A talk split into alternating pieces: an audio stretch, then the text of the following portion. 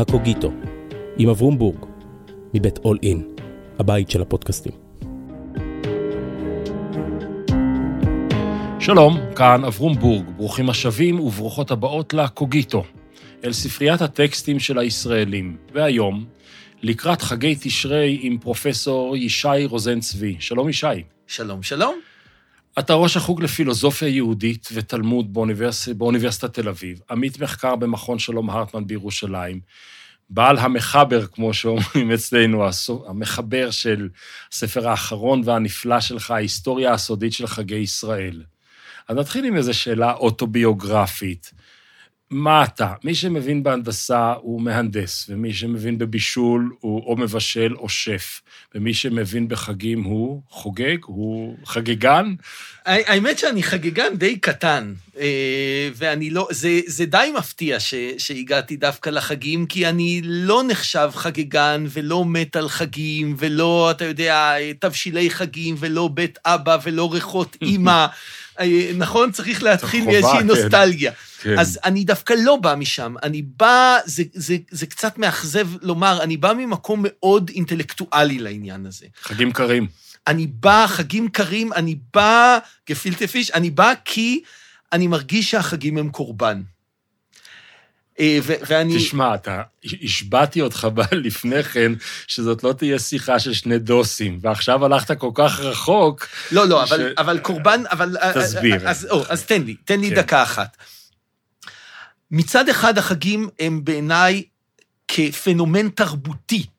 עכשיו, עזוב דתי ועזוב תיאולוגי, כפנומן תרבותי, אחד, אחת התופעות המרתקות ביותר בתרבות בכלל. מדוע? מכיוון שהם אירוע חי, ולכן הם משתנים כל הזמן, ואי אפשר להכתיב אותם מלמעלה. כל הזמן, כן, המערכות אה, אה, וקובעי הטקסטים ויוצרי ההיררכיות מנסים לקבע, וזה כל הזמן פורץ, מכיוון שאנשים, כשאנשים משתמשים במשהו כל הזמן, משנה לשנה, מעת לעת, אז הוא כל הזמן משתנה, ופושט צורה ולובש צורה ומקבל את, אה, את צורתם של אנשים. אז מצד אחד זה אה, פנומן מאלף, ומצד שני הוא נפל קורבן לעובדה שבעצם הדבר היחיד שאנחנו לומדים ממורשת ישראל, אני עושה מרכאות, במערכת החינוך, זה החגים. החגים בעצם מחזור הזמנים, זה המקצב של ולמה זה קורבן? למה זה מכיוון לא שזה נכון? אומר, מכיוון שזה אומר שצריך בעצם לרדד אותם לרמה שמתאימה לגן הילדים. עכשיו, מכיוון שלמדנו פעם ראשונה על פסח או על חנוכה, על סוכות, בגן, ואחר כך בכיתות א', ב', ג', אז זה הדימוי שיש לנו של החגים. אנחנו בעצם מקבלים חגים שהם כמו סרטים במטוסים, אתה יודע, שהוציאו מהם את כל החלקים המעניינים כדי שהדוס שמציץ מאחורה לא ייפגע, כן?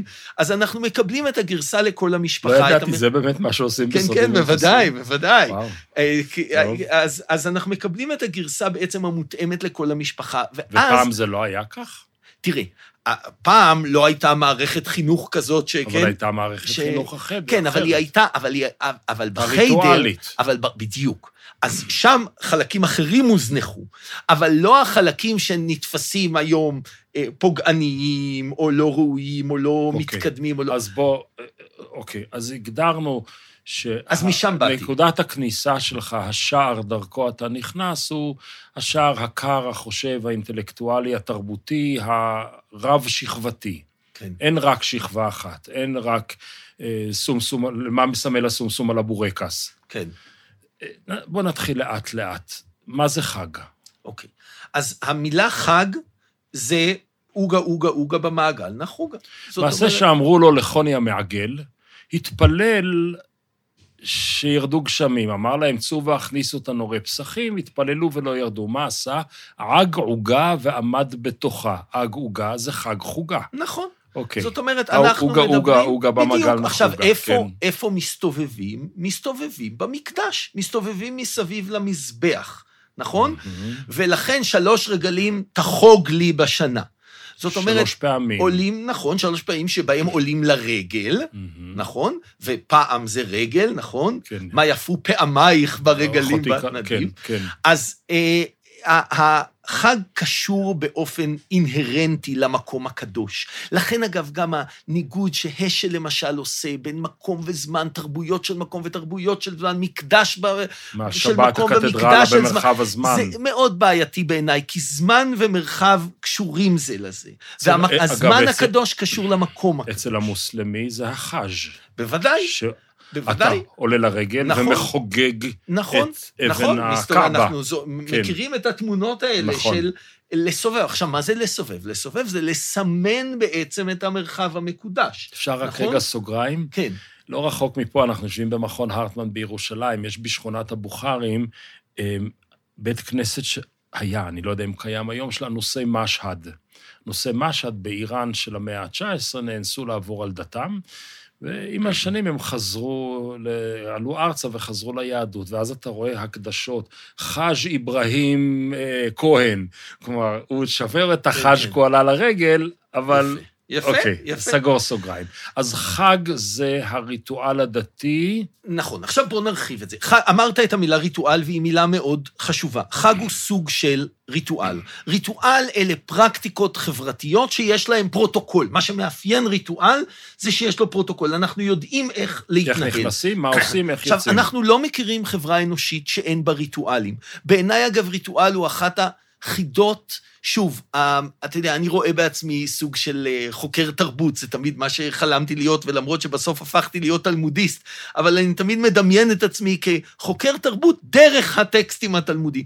אז ריטואלים, אני את הדוקטורט שלי כתבתי על אה, ריטואל הסוטה. שטענתי, על סוטה, ריטואל שטענתי שהוא ריטואל מומצא, שלא שלא, נהג כן. מעולם. ולכן כל העניין הזה של ריטואלים, המרכזיות של ריטואלים, ריטואלים מדומיינים, טקסטואלים, הוא מאלף בעיניי. וריטואל יושב על פרדוקס.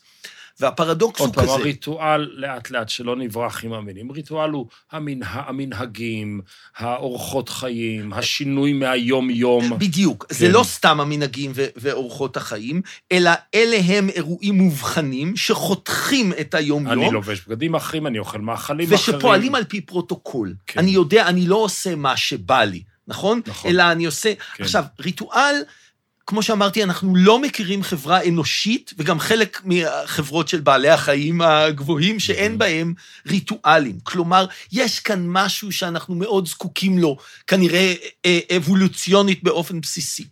יחד עם זה, כמובן, כל חברה מטפחת ומפתחת את הריטואלים בצלמה ובדמותה. עכשיו, הנה הפרדוקס. מצד אחד, הריטואלים האלה הם ישנים והם מקדמת דנא, וזה כל העניין שלהם, נכון? הוד הקדומים. מצד שני, אני רוצה למצוא את עצמי בריטואל. וככה אנחנו נמצאים בפרדוקס הזה, שבו, תחשוב על טקסי הנישואין. כמה זמן מתעסקים כל הזוגות בזה שזה יהיה ריטואל, שהוא יוכר כריטואל, אבל הוא יהיה שלנו, נכון? מהמם. את הכתובה בארמית או בעברית, את, ו- ועושים, כ- שוברים או לא שוברים? זאת אומרת, ישי, אבל למה, למה זה פרדוקס? האם אתה לא מכריח בקביעה האנליטית הזאת משהו שהוא בעצם דינמיקה אנושית די, די בריאה?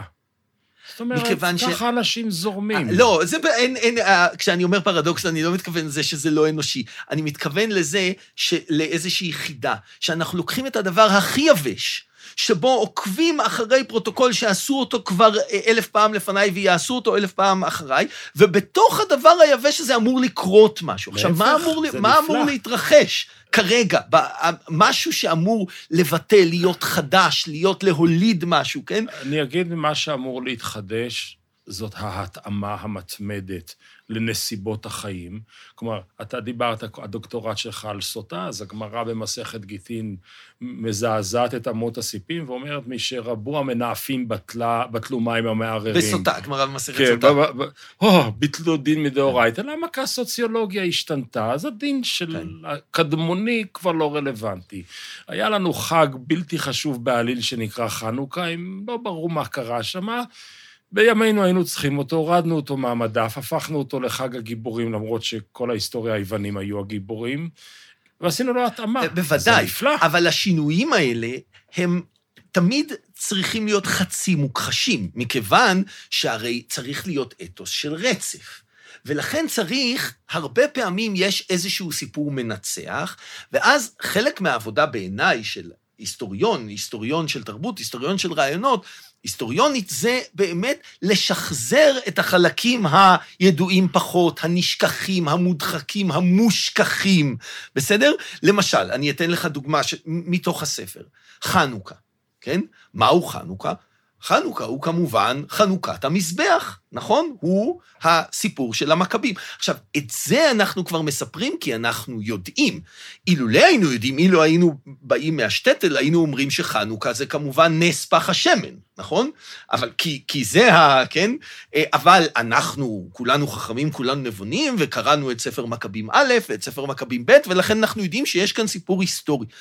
אבל לחנוכה יש שורשים הרבה יותר קדומים.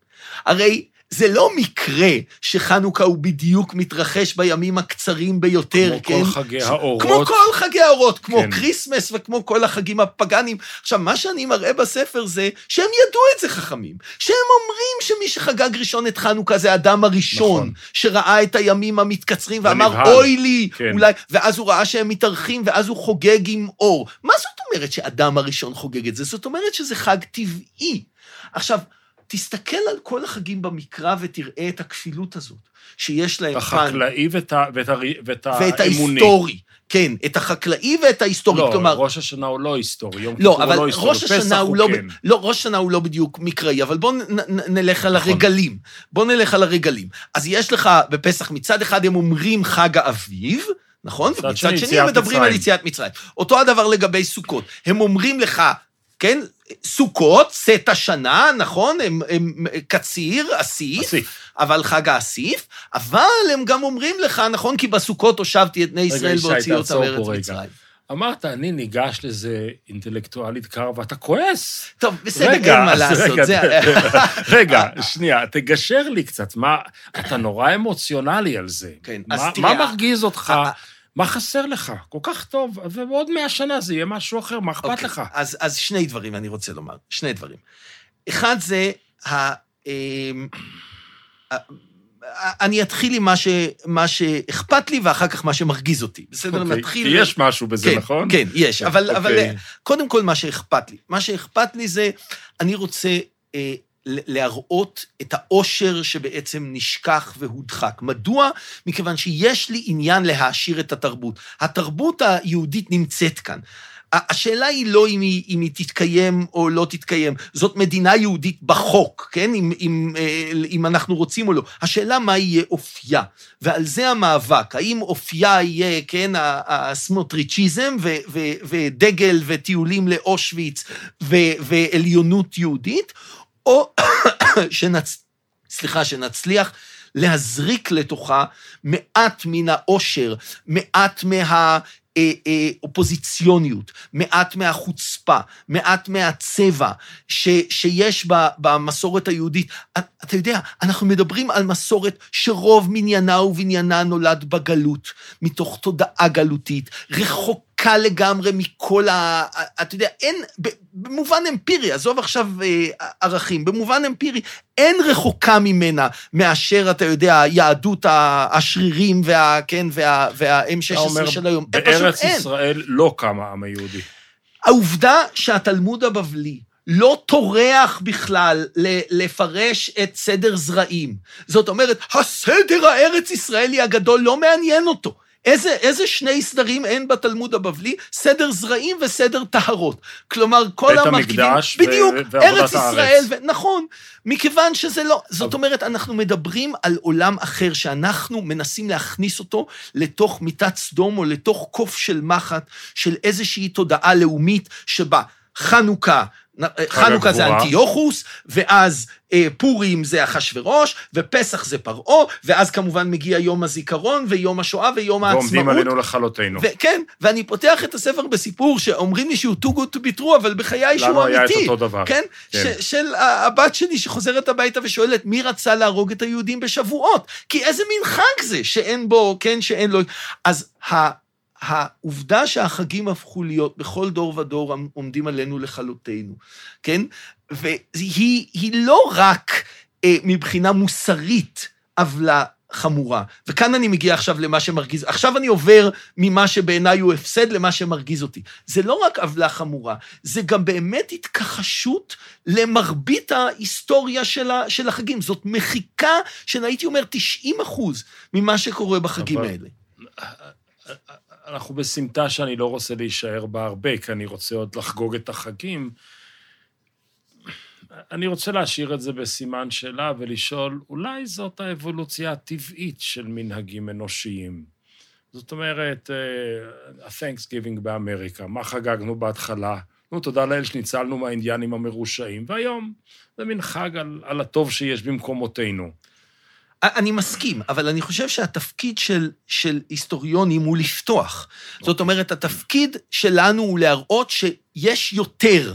ובכלל, אני חושב שהתפקיד של היסטוריה זה לעשות דה-אסנציאליזציה. דברים הם לא חייבים להיות כפי שהם, הם יכולים להיות אחרת. והעבודה ההיסטורית להראות שכך, שהיה אחרת, חלק ממנו הוא גם לפתוח את הדמיון ולהראות שיכול להיות אחרת. למה באמת לכל התרבויות, וכמו שאמרת גם לקופים הגבוהים או לחיות הגבוהות, למה לכל התרבויות יש חגים? אני חושב שאנחנו צריכים לחתוך את ה... אני, אני לא יודע להגיד שום דבר על, על קופים. לא, לקופים אין חגים, יש להם ריטואלים. אוקיי. אה, שעליהם אני באמת לא יודע להגיד דבר. אז אני אדבר בכל זאת על חברות אנושיות.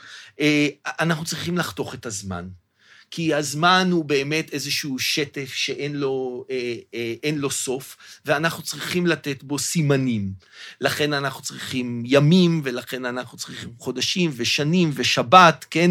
ואת המערכות האלה שבהם כאילו אנחנו עוצרים, כן? אה, ובעצירות האלה, מה אנחנו עושים? אנחנו מספרים לעצמנו סיפורים. אני מאוד מושפע מאסכולה שנקראת אסכולת מיתוס וריטואל, שאומרת, מאחורי כל ריטואל עומד מיתוס, סיפור, עזוב רגע, בואו נדבר בלשון בני אדם, סיפור, והסיפור חייב את הריטואל כדי לתת לו חיים, כדי לתת לו ממשות. עכשיו, יש... ולהמשיך אותו גם, אה, להנציח עכשיו, אותו. לאן, לת, בדיוק, משהו שיישא אותו. עכשיו, הכי נוח ל, לת- ל, להראות את זה בליל הסדר. מה זה, אנחנו מתכנסים כולנו כדי לספר את סיפור יציאת מצרים, אבל הסיפור הזה חייב עכשיו לקבל חיים, חייב אדם לראות את עצמו כאילו הוא יצא ממצרים. זאת אומרת, אני לא רק מספר את זה, אני גם חי את זה, נכון? אני ממחיז את זה. איך? על ידי סעודת החירות, כן, אני בספר כותב שסעודת החירות זה חיקוי של אה, אה, אה, סעודה רומית, כן? של, ה, של הסימפוזיום ב... אה, מתכונת שהוא קיבל בעולם הרומי ש, שתחתיו הם חיים. למה? כי ככה ממחיזים חירות. הם צריכים בעולם שלהם להמחיז חירות, אז ככה הם ממחיזים אותם. עכשיו אנחנו, כן, הרומים, כן? זה הזמן מסך של העת העתיקה. כן, כן. כן. אז, אז במובן הזה, אנחנו צריכים מועדים שבהם כולנו מספרים לעצמנו את הסיפורים המכוננים. אנחנו בזמנו חשב... אני, אני כבר לא זוכר מאיפה קלטתי את זה, אולי אפילו בבית, שתפס את הזמן כמעגל, או כדבר שחוזר על עצמו.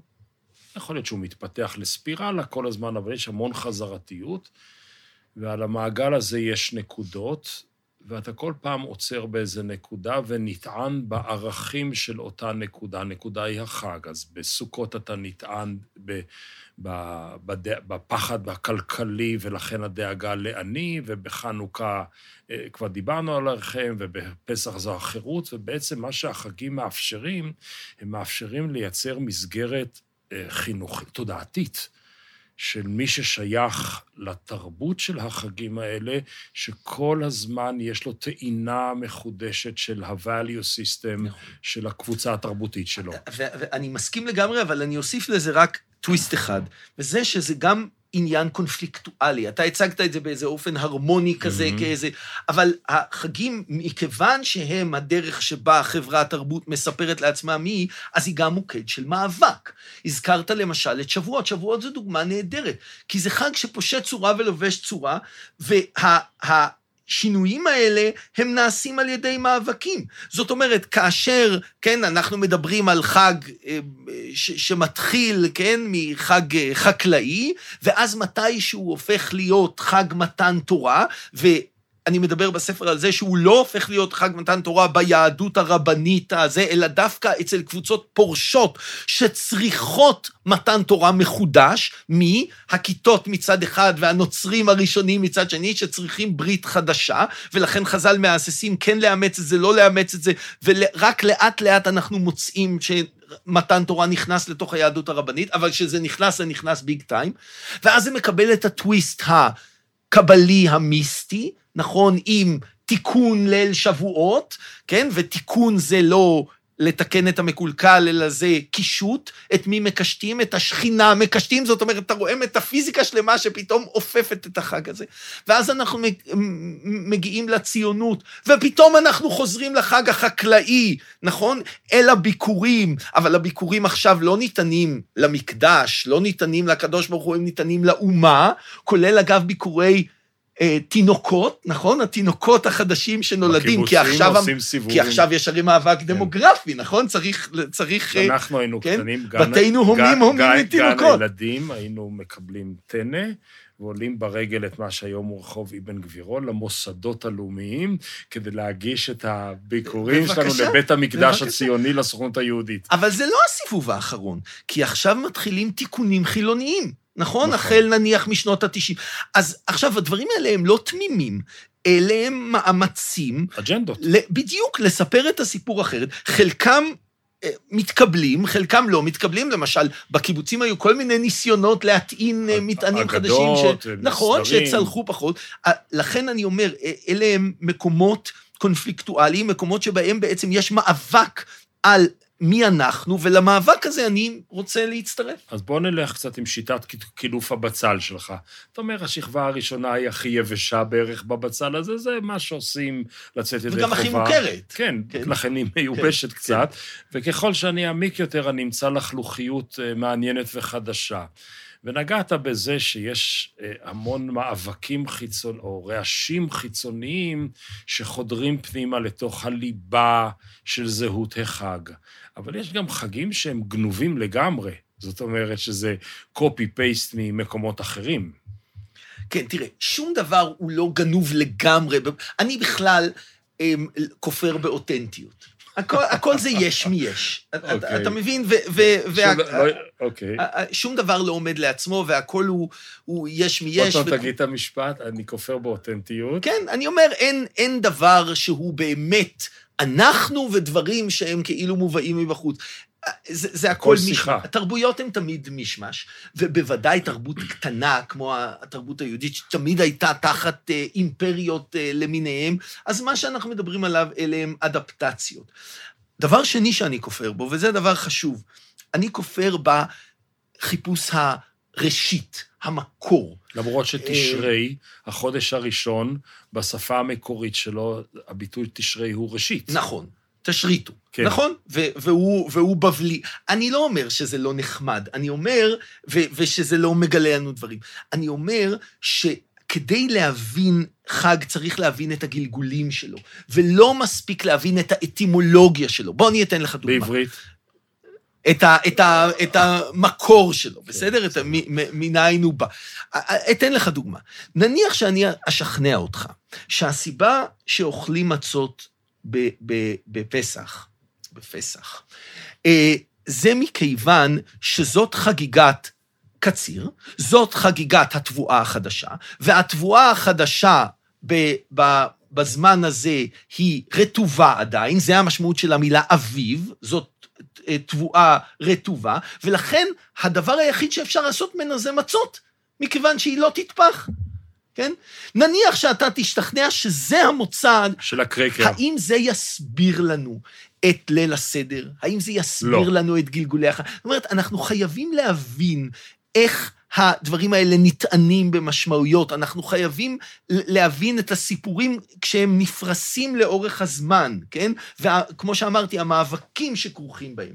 לכן במובן הזה השאלה של מהו המקור הראשוני והאם הוא שלנו או לא שלנו, היא בעיניי שאלה משנית. אבל היא לא תהיה משנית במובן הבא. כאשר אתה אומר, אוקיי, אגדה של פסח היא שיחה עם הנוצרים החדשים. או, או הכחשה שלהם או הטמעה שלהם. התיקון, תיקון ליל שבועות, או הברית החדשה, ללא ספק. אמ, ישו נמצא ביותר מאשר חג אחד אצלנו, הוא מופיע בכל מיני צורות. אה, התורה, האגדה של פסח שאין בה את משה רבינו, האם זה להוציא את פולחן האישיות? אז אני אגיד, טוב, זה לפחות שיחה, זה לפחות אה, דיאלוג. אז, אוקיי, יפה. אז לגבי שאלת הנצרות והחגים, אה, כאן אנחנו יכולים להתווכח. ישראל יובל, שהוא חברי... אהוב ליבי. כן, אז כן. הוא, הוא באמת דוחף את זה מאוד חזק. אה, אני לפעמים מסכים ולפעמים פחות. אני אה, אה, בליל הסדר רואה אה, סיפורים הלניסטיים יותר מאשר סיפורים אנטי-נוצריים, אבל אה, יפרחו אלף אבל פרחים. שניהם אותו אבל- דבר. בדיוק, אבל העובדה הבסיסית שאתה מציין היא בשבילי טריוויאלית לגמרי. טריוויאלית, ברור מאליו שהחגים נוצרים מתוך שיחה עם תרבויות הסביבה, בוודאי תרבויות הגמוניות, בוודאי התרבויות ששולטות כאן, ושכן, אה, אתה יודע, דניאל בויארין אמר פעם, שכל היהדות בתקופה ההלניסטית היא יהדות הלניסטית. כי היא חיה בתוך עולם הלניסטי. זאת אומרת, זה, זה מובן מאליו. אז אתה יכול לדבר על כזאת שכתובה יוונית וכזאת שכתובה עברית, אבל זה ברור לגמרי שכשאתה פועל בתוך עולם, אתה פועל בתוך עולם. זה כמעט טאוטולוגיה. אני, שוב, אני, אני בורח לאיזה סמטה, כי, כי, כי פיתתן, פיתת, איך זה? פיתתני ואפת? התפתיתי. היום אני לא רואה אף חג יהודי המוכר לנו שמשוחח עם איזושהי תרבות אחרת. להוציא דבר אחד, המנורות של חב"ד בחוצות הערים בחוץ לארץ. זה המקום היחיד שאני רואה אותו אינטראקציה עם ההלניזם, עם האוניברסליזם המערבי הגדול של היום. אמ, אז במובן הזה, שיחת חב"ד, שיחת מנורות חב"ד בחנוכה, יותר מתאימה לך לדינמיקות של חגים? תראה, זו שאלה יפה, כי אנחנו, אתה יודע, היינו מקבלים כל יום בחנוכה מתנות כריסמס. כי אימא שלי באה... חנוכה געלט. כי אימא שלי כן. באה מתוך מקום שבו היה צריך לתת fight. כן? אוקיי, דמי ש- חנוכה. שב- שבו היה צריך לתת fight. אה, שדמי חנוכה זה כמו המתנות על העץ. כן, שהיה צריך, כן. שהילדים בכיתה שלך, כן, קיבלו מתנות כריסמס, וגם אתה היית צריך לקבל משהו. אז תראה, זה נכון שמשהו בתרבות... מאיפה אימא במקור? הישראלית, אימא שלי נולדה בשוודיה, אבל המשפחה היא מדנמרק. אוקיי, אז המשפחה כן, היא מדנמרק. זאת אומרת, באמת, אירופה הקלאסית, שבה כן, כריסמס כן. הוא, איך לומר, אה, הוא מהות. השיא, כן, והוא- והוא גם איזשהו באמת כן. אה, שיא אה, משפחתי, תרבותי, לאומי.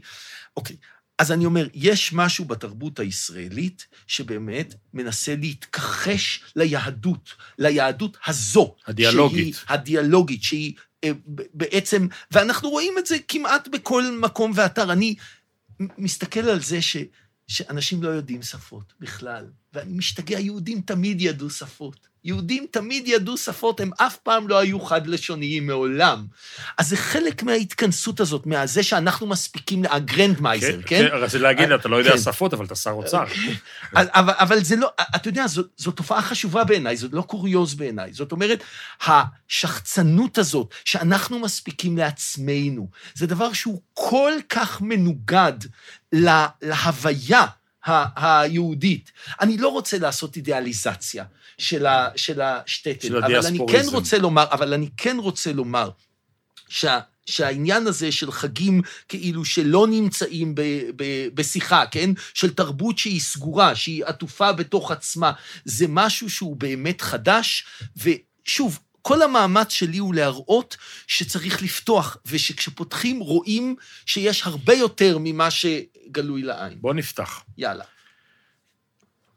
כדי לסכם, קודם מסגור. מה שאתה בעצם אומר, שכשחיינו בכל הקהילות הסגורות שלנו, קיימנו דיאלוג עם הסביבה שהייתה סביבנו. היום, באופן טבעי, ב- אתה יודע, כמו תרבות כשישראל. סוגרת את עצמה היא בתור השטטל הגדול אי פעם, נכון, כי היא לא מדברת הרוב. עם כלום. כי אנחנו הרוב. הרוב. כי שזה אנחנו לא המעבר. צריכים עכשיו אף אחד. זה מה שכשרבידוביץ' מדבר על בבל וירושלים, אז על זה לא הוא מבכה. עד- ואין לנו מה ללמוד מאף אחד. על אובדן הדיאספוריזם בתוך חיינו. אז עכשיו בואו ניכנס פנימה. אנחנו בחגי תשרי, והראשון הוא ראש השנה. אתה כותב, אתה כותב בכל מיני צורות על ראש השנה, מה שהצליחו להעלים בראש השנה ועל תקיעת השופר, מי שיקרא, אני ממליץ בבית כנסת ללכת עם הספר של ישי ולקרוא אותו. אפשר גם מחוץ לבית אפשר- הכנסת. לא, אתה יודע, לקרוא בבית כנסת זה הרבה יותר כיפי. זה נכון, זה נכון. אמ, תגיד כמה מילים על ראש השנה, כי אני ארצה לקחת את זה עוד רגע למתח של פתוח סגור, אוניברסלי פרטיקולרי. איזה חג זה. אז תראה, ראש השנה זה דוגמה נהדרת, ל, ל, אתה יודע, לגלגולים האלה ולטוויסטים ולפניות החדות, כי במקרא מופיעה המילה ראש השנה פעם אחת, בסוף. וזה בספר יחזקאל בגלות בבל, כן. מכיוון שהבבלים באמת מתחילים מכמו שאמרת, תשריטו, כן, שזאת ההתחלה, ואילו הספירה הקדומה יותר כנראה הייתה מניסן, ראש חודשים, זאת אומרת מהאביב, אבל בכל זאת, הרי יש לנו באחד לחודש השביעי יום זיכרון תרועה. תרועה. זיכרון יום תרועה או זיכרון כן. תרועה. פעם אחת יום תרועה, גם על זה אני אולי אגיד משהו. אז זאת אומרת שהחג הזה לא מתחיל מראש השנה, אלא הוא מתחיל כ- כאיזשהו ציון די חידתי, כן? בחודש השביעי. בחודש השביעי, כן? שקשור לאיזשהו אה, אירוע שצריך לקיים, וזה קשור לשופר. אז כדי לפענח את זה צריך להבין מה זה השופר. והשופר באמת מתפוצץ ממשמעויות כבר מראשיתו. השופר הוא קריאה. איך קוראים? קוראים על ידי שופר, כן? זה ה- בעצם ה... כן? אה, שופר יתקע ב- שופר תוקע בעיר, נכון. נכון. אמ, זה הצופר, כן? צופר, כן. שלנו. אמ, קרי- אה, התכנסות לקראת מה? אולי לקראת החגים שיבואו, כן? יום הכפרה בעשרה אה, בתשרי, ואחר כך חג הסוכות, כן? יואל אומר, תקעו שופר, קדשו צום, קראו עצרה. כן. זאת אומרת, אז יש לך ממש את ראש השנה... תשרי. כן. יפה. אחר כן. כך, בספר ויקרא אנחנו פוגשים זיכרון תרועה. מה זה זיכרון תרועה? זיכרון תרועה, אז טוען ישראל קנול, שיושב כאן בחדר Mhm. לידינו, הוא אומר, זה פרשנות בעצם מאוחרת של יום תרועה. יום תרועה לשם מה? לשם זיכרון. ונזכרתם לפני השם אלוהיכם. אז יש כאן כבר פרשנות. אחר כך באים החוקרים ואומרים, כן, זה מעבר מ, מ, מ, כן, מתקופה לתקופה, מהאביב לסתיו, ולכן צריך לחגוג ולהגן ולשמור על, מפני הרוחות הרעות, והשופר מבריח את הרוחות הרעות. אחר כך חז"ל מאמצים את זה, לערבב את השטן וכולי. כן. אז, ראשי התיבות של הפסוקים. אז אתה רואה שמלכתחילה כבר מסתובבים... עמוס כל- מאוד. ואז זה הופך להיות ראש השנה בתקופה הבבלית, וכמובן ראש השנה זה יום המלכת האל. המלכת האל על ידי שופר, בחצוצרות וכל שופר הריעו לפני המלך הש... אז מה שאני מנסה לשכנע אותך זה... זה לוותר על האטימולוגיה, על המקור, ולראות את רצף המשמעויות שניתנות בעצם כבר, כבר, גם אני- אם אנחנו אני- מדברים רק על המקרא. אני, רצ... אני רוצה לקחת את זה קצת יותר רחוק, או יותר... אה, פחות על הניואנסים. הם, הם בעלי חשיבות, כי אתה אומר דברים נפלאים, שזה גם הצפירה וזה גם האזעקה. אתה משתמש בסופר, בשופר, צופר? כן, אה, אוקיי. כן. אתה משתמש בו ממש במושגים מודרניים בפרק הזה. אני רוצה ללכת למקום אחר, שעוד קשור למה שדיברנו קודם, האם אנחנו תרבות פתוחה או סגורה. במסכת ראש השנה יש ויכוח בין רבי אליעזר לרבי יהושע. ורבותיי המאזינים, אנחנו לא הולכים הרגע להחזיר אתכם בתשובה, אבל הוא ויכוח נפלא של מתי נברא העולם, נכון? כן. אז אומר רבי אליעזר, בתשרי נברא העולם, בתשרי נולדו האבות, בתשרי עתידין להיגאל. ואומר רבי יהושע, בניסן נברא העולם, בניסן נגאלו, בניסן עתידים להיגאל. מה, מה, מה ההבדל בין יהדות של ניסן לבין יהדות של תשרי? כן. טוב, אז אפשר כמובן להטעין את זה במשמעויות ערכיות, וזה גם ממש מתבקש, נכון? ניסן זה הלאומי, ותשרי זה האוניברסלי. ניסן זה היום הזה נהיית לעם. נכון. ותשרי זה זה... ראש- היום הרת היום, עולם. היום היית בהיריון עם העולם כולו, זכר כל היצור נכון, בא נכון. לפניך. ובאמת, מה שאני מדבר עליו בספר זה שההיבטים האוניברסליים החריפים ביותר במקרא, אה, ספר ישעיהו למשל, נעדרים כמעט לחלוטין מה, מהתפילה החז"לית, כמעט אה, אה, אפשר לראות, רצית פולמוס אה, אנטי-נוצרי, אז ממש כמעט אפשר לראות איך כאשר הנוצרים מאמצים את ההיבט האוניברסלי... המון מישעיהו זה מצוין. נכון. בעשירייה. ו... נכון, כן. הרבה מאוד, ו, וחז"ל מוחקים את זה, חוץ מאשר ראש השנה. בראש השנה, בתפילת מלכויות, אנחנו מוצאים את האוניברסליזם הזה חוזר ביג טיים. שוב, תפילת מלכויות, תפילת ראש השנה, יש לה, הייחוד שלה זה שלושה פרקים, נכון. זיכרונות, דיברנו, שופרות, רמזנו, ומלכויות. נכון. אוקיי. Okay. נכון, ומלכויות זו תפילה אוניברסלית, שבה כל הזמן חוזרים ממנה לקוחה התפילת עלינו לשבח, שאחר כך הפכה להיות סיום התפילה של כל יום, ושם זה הכל כל יצור וכל ברור וכולם וכולם וכולם. זאת אומרת, כאילו מין שיבת המודחק, הייתי אומר. יום אחד בשנה שבו אנחנו נזכרים ב... ב-11 הפרקים הראשונים של ספר בראשית, לפני שאנחנו עוברים לפרק י"ב, ולך לך. לעם, היינו בני אדם. כן, היינו בני אדם, ואחוות המין האנושי, שהיא, אתה יודע, אנחנו לא ממציאים אותה כאן מתוך איזה, איזה אתה יודע, אה, אה, אה, ליברליות כזאת, זה שם, נכון? ולכן הם מעוררים את זה, הייתי אומר, אחת בשנה. ולאן נעלמה האוניברסליות? אז כשאתה הולך ברחוב, או אתה פונה לאנשים ושואל מה זה ראש השנה, אז זה ראש השנה היהודי.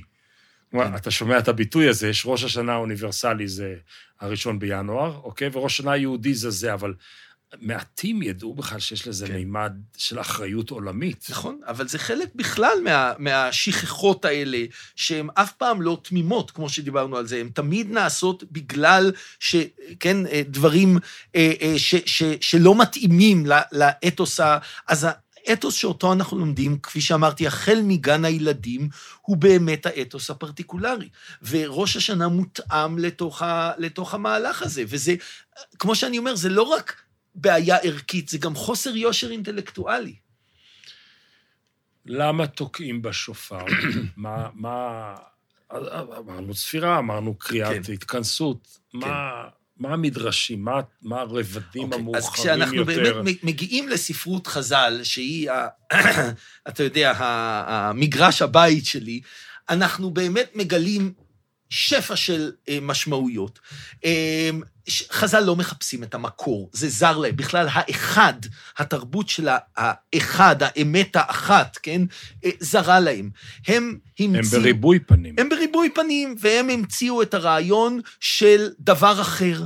מה זה דבר? אני תמיד אומר לסטודנטים, המילים החשובות ביותר במדרש זה דבר אחר. כלומר, עוד פירוש, עוד פירוש, עוד פירוש. אתה יודע, לפני ספרות חז"ל יש אה, מאות שנים של פרשנות מקרא, ואף אחד לפניהם לא חשב שאפשר להציב כמה פירושים זה לצד זה, בלי להכריע. או, או שדבר אחר זה הודעה בספק. תשמע, הפירוש שלי לא כל כך טוב.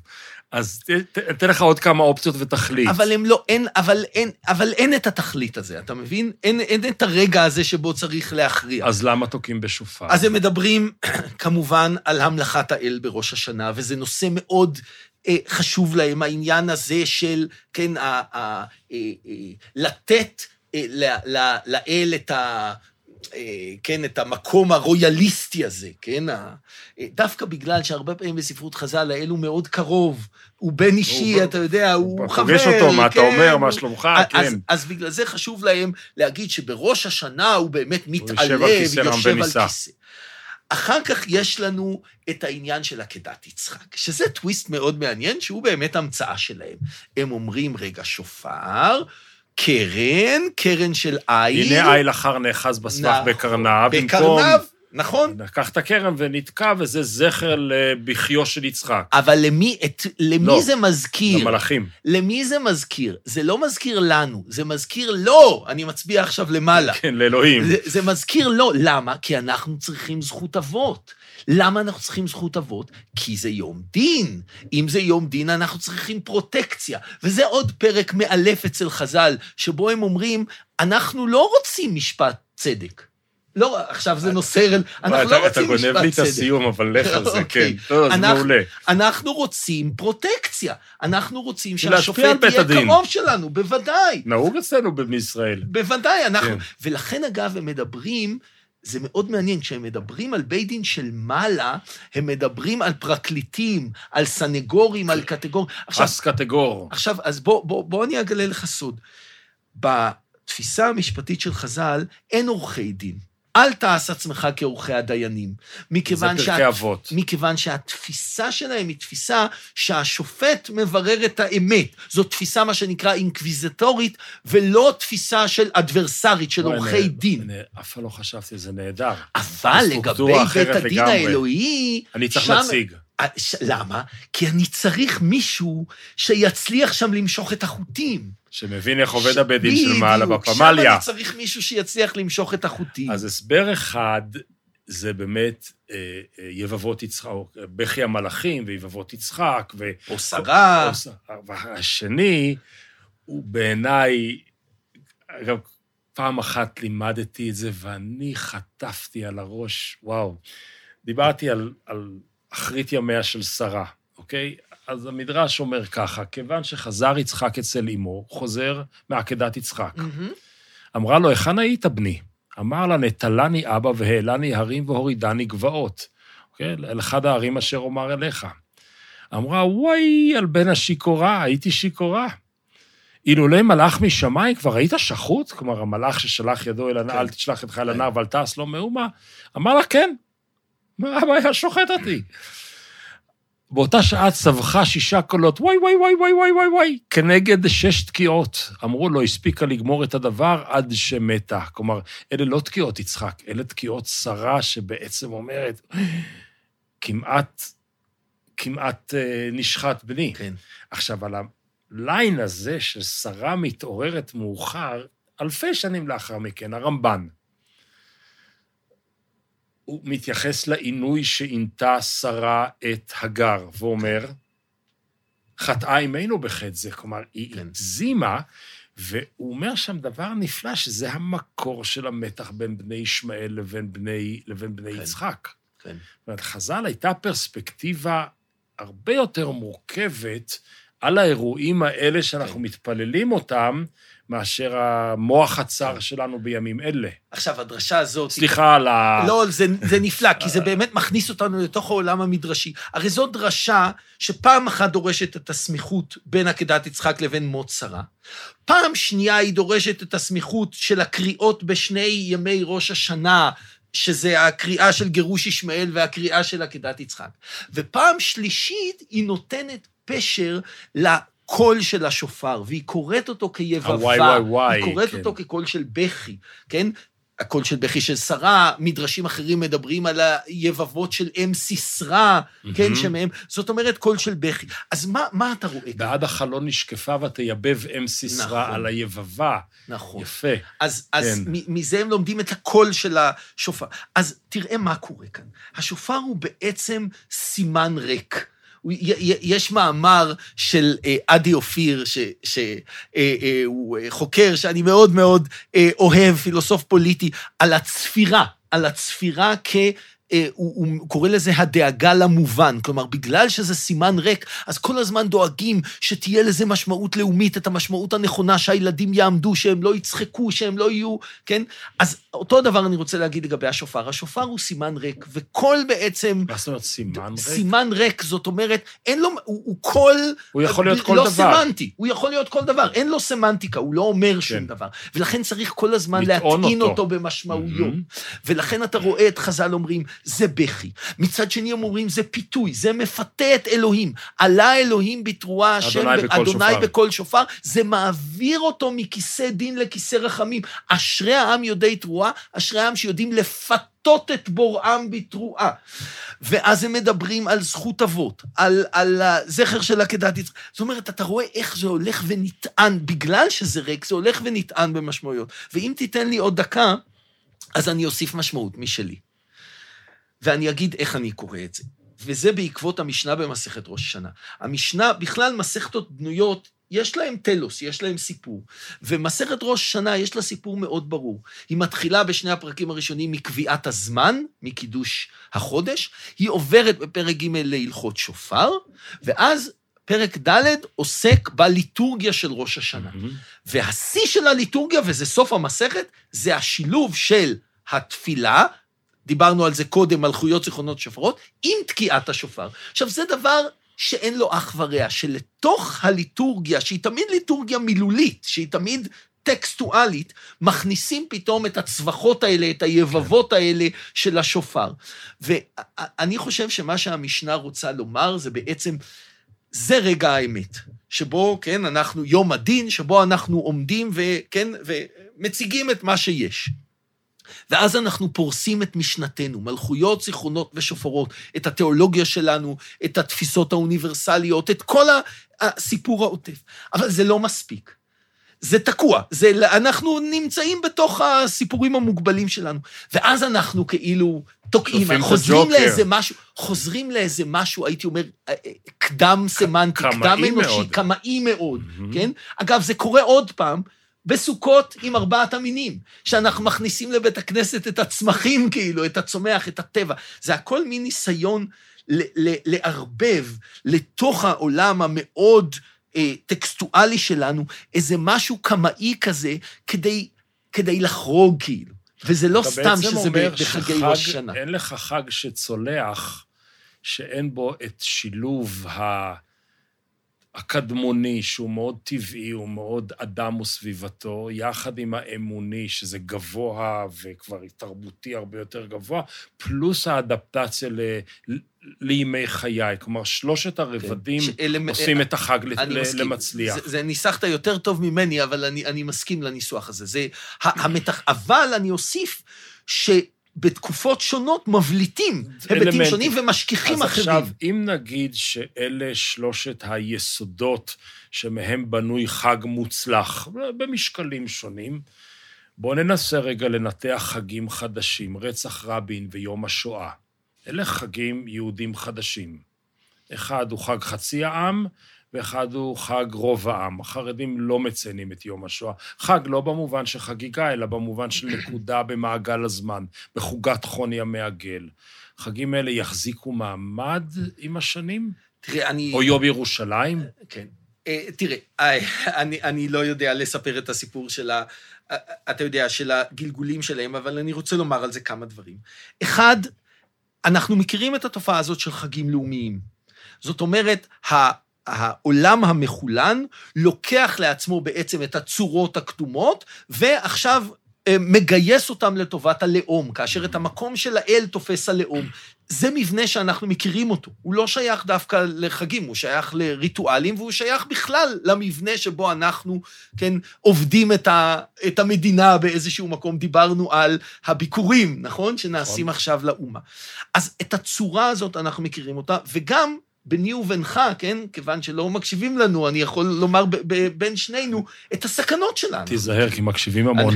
אנחנו, אנחנו מכירים את הסכנות שלנו, זה, נכון? זה התריע לייבוביץ', שהלאומיות היא יכולה להיות עבודה זרה. נכון.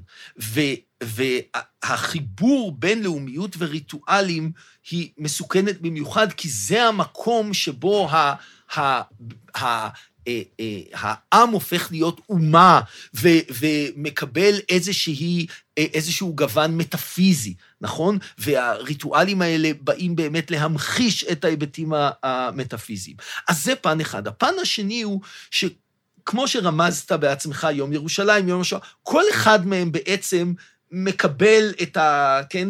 יש לו את הסיפור שלו, את ההיסטוריה שלו. יום ירושלים הפך להיות היום של הימין הציוני-דתי.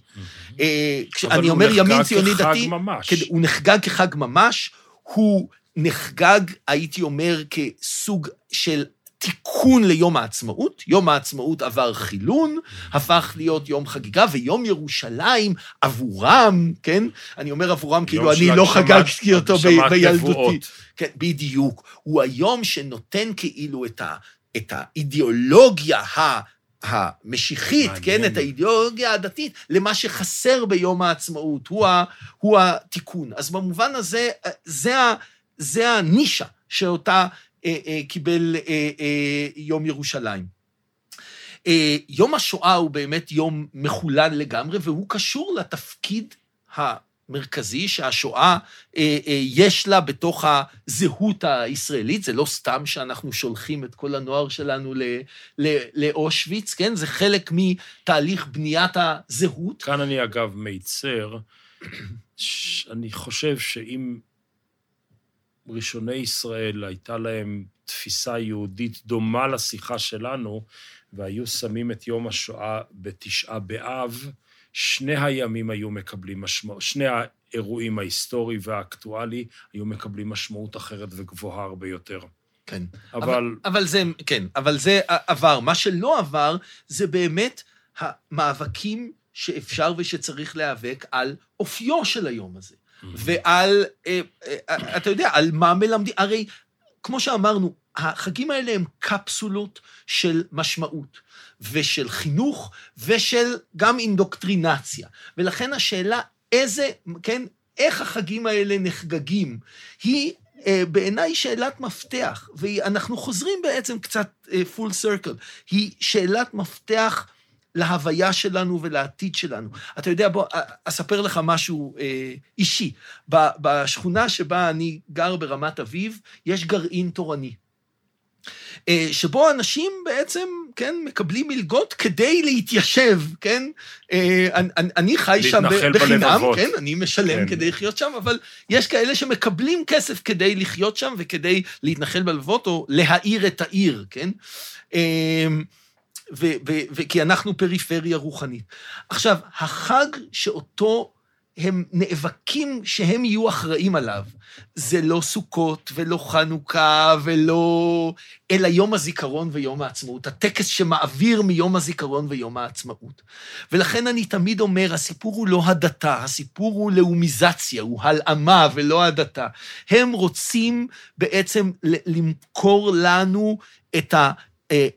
היהדות אה, אה, אה, הלאומית, את הצורה הלאומית של היהדות, כן? עם כל ה... מטאפיזיקה של העם, וזה בעיניהם התשתית. לא, אתה יודע, לא התשובה ביום הכיפורים, ולא זכר ליציאת מצרים בפסח, אלא באמת לחגוג נכון את יום הזיכרון ויום העצמאות, זה הפך להיות התשתית. בעצם, אז על זה המאבק. אתה אומר משהו מדהים, לא, אתה אומר משהו נפלא. פתחת את הדברים ואמרת, אני פחות חוגג. ואם אני מסכם את כל מה שאתה אומר, אתה אומר, אם לחגוג, אז לחגוג את זה עם הרבדים העתיקים המופיעים במקורותינו, שהם הרבה יותר עשירים, הרבה יותר חתרניים, ולא הפרשנויות הכוחניות העכשוויות. כן ולא, כלומר, אני לא פונדמנטליסט במובן זה שאני אומר, בואו נחזור ונחגוג את זה כמו אבותינו, כן. אבל אני כן רוצה לומר, חברות וחברים, יש כאן הרבה מעבר למה שמנסים למכור לכם. זה הרבה יותר גדול, זה הרבה יותר עשיר, זה הרבה יותר פתוח מאשר קוף של המחט ש, שאליה הכניסו את החגים במערכת החינוך. אמרתי קודם שלקחת לי את הסוף לאמצע הדברים, אבל אני כן רוצה לסיים בך, בקטע שבספר שלך ממש ממש חייכתי. כשקראתי אותו במקור, או כשקראתי, לכתחילה, או כשקראתי אותו עכשיו, על ראש השנה שלנו. יהודה בר נחמן בשם ריש לקיש פתח. עלה אלוהים בתרועה אדוני בקול שופר. בשעה שהקדוש ברוך הוא עולה ויושב על כיסא הדין, בדין הוא עולה. הוא קשוח, הוא שופט קר, הוא אין לו פניות, הוא לא עושה חשבון. ובשעה שישראל נוטלים שופרות ותוקים, הקדוש ברוך הוא עומד מכיסא דין ויושב על כיסא הרחמים. זאת אומרת, הוא כבר לא שופט, הוא כבר מוטה, הוא כבר איך אומרים בימינו בישראל? שופט שלנו, נכון? הוא כבר נהיה שופט שלנו, וכולי וכולי, הוא מרחם עליהם והופך להם מידת הדין למידת הרחמים. הם מתי? בחודש השביעי, חודש תשרי. ואומות העולם אינם יודעים להריע. כלומר, רק יהודים יודעים, ל, ל, לא, גם הגויים לא יודעים להריע. כמה קרנות יש להם? וכמה בוקינס? כן, זה מילים יווניות. מה המילה, אבל לא ידעתי להגות אותה. בוקינס, כן. כמה בוקינס, קרנות יש להם? כמה סלפירס, סלפירס? כן, כן, סלפינס. יש להם, כמה חצוצרות יש להם? יש להם גויים הרבה יותר כלי תרועה משלנו. אלא אשרי העם יודעי תרועה, אשרי העם שיודעים לפתות את בוראם בתרועה. בדיוק. זאת אומרת, צחקתי כי חשבתי על האקטואליה של מי הוא שופט, ומהי מידת הדין, ומהי מידת הרחמים, ובסוף, בסופו של דבר, להיכנס לימים הנוראים האלה עם מידה של חיוך, זה נפלא. כן. ישי, תקשיב, זה... הייתה לי פשוט שיחה נהדרת. חבל שאין עוד גם לי. חגים. תודה כן. רבה. תודה לך.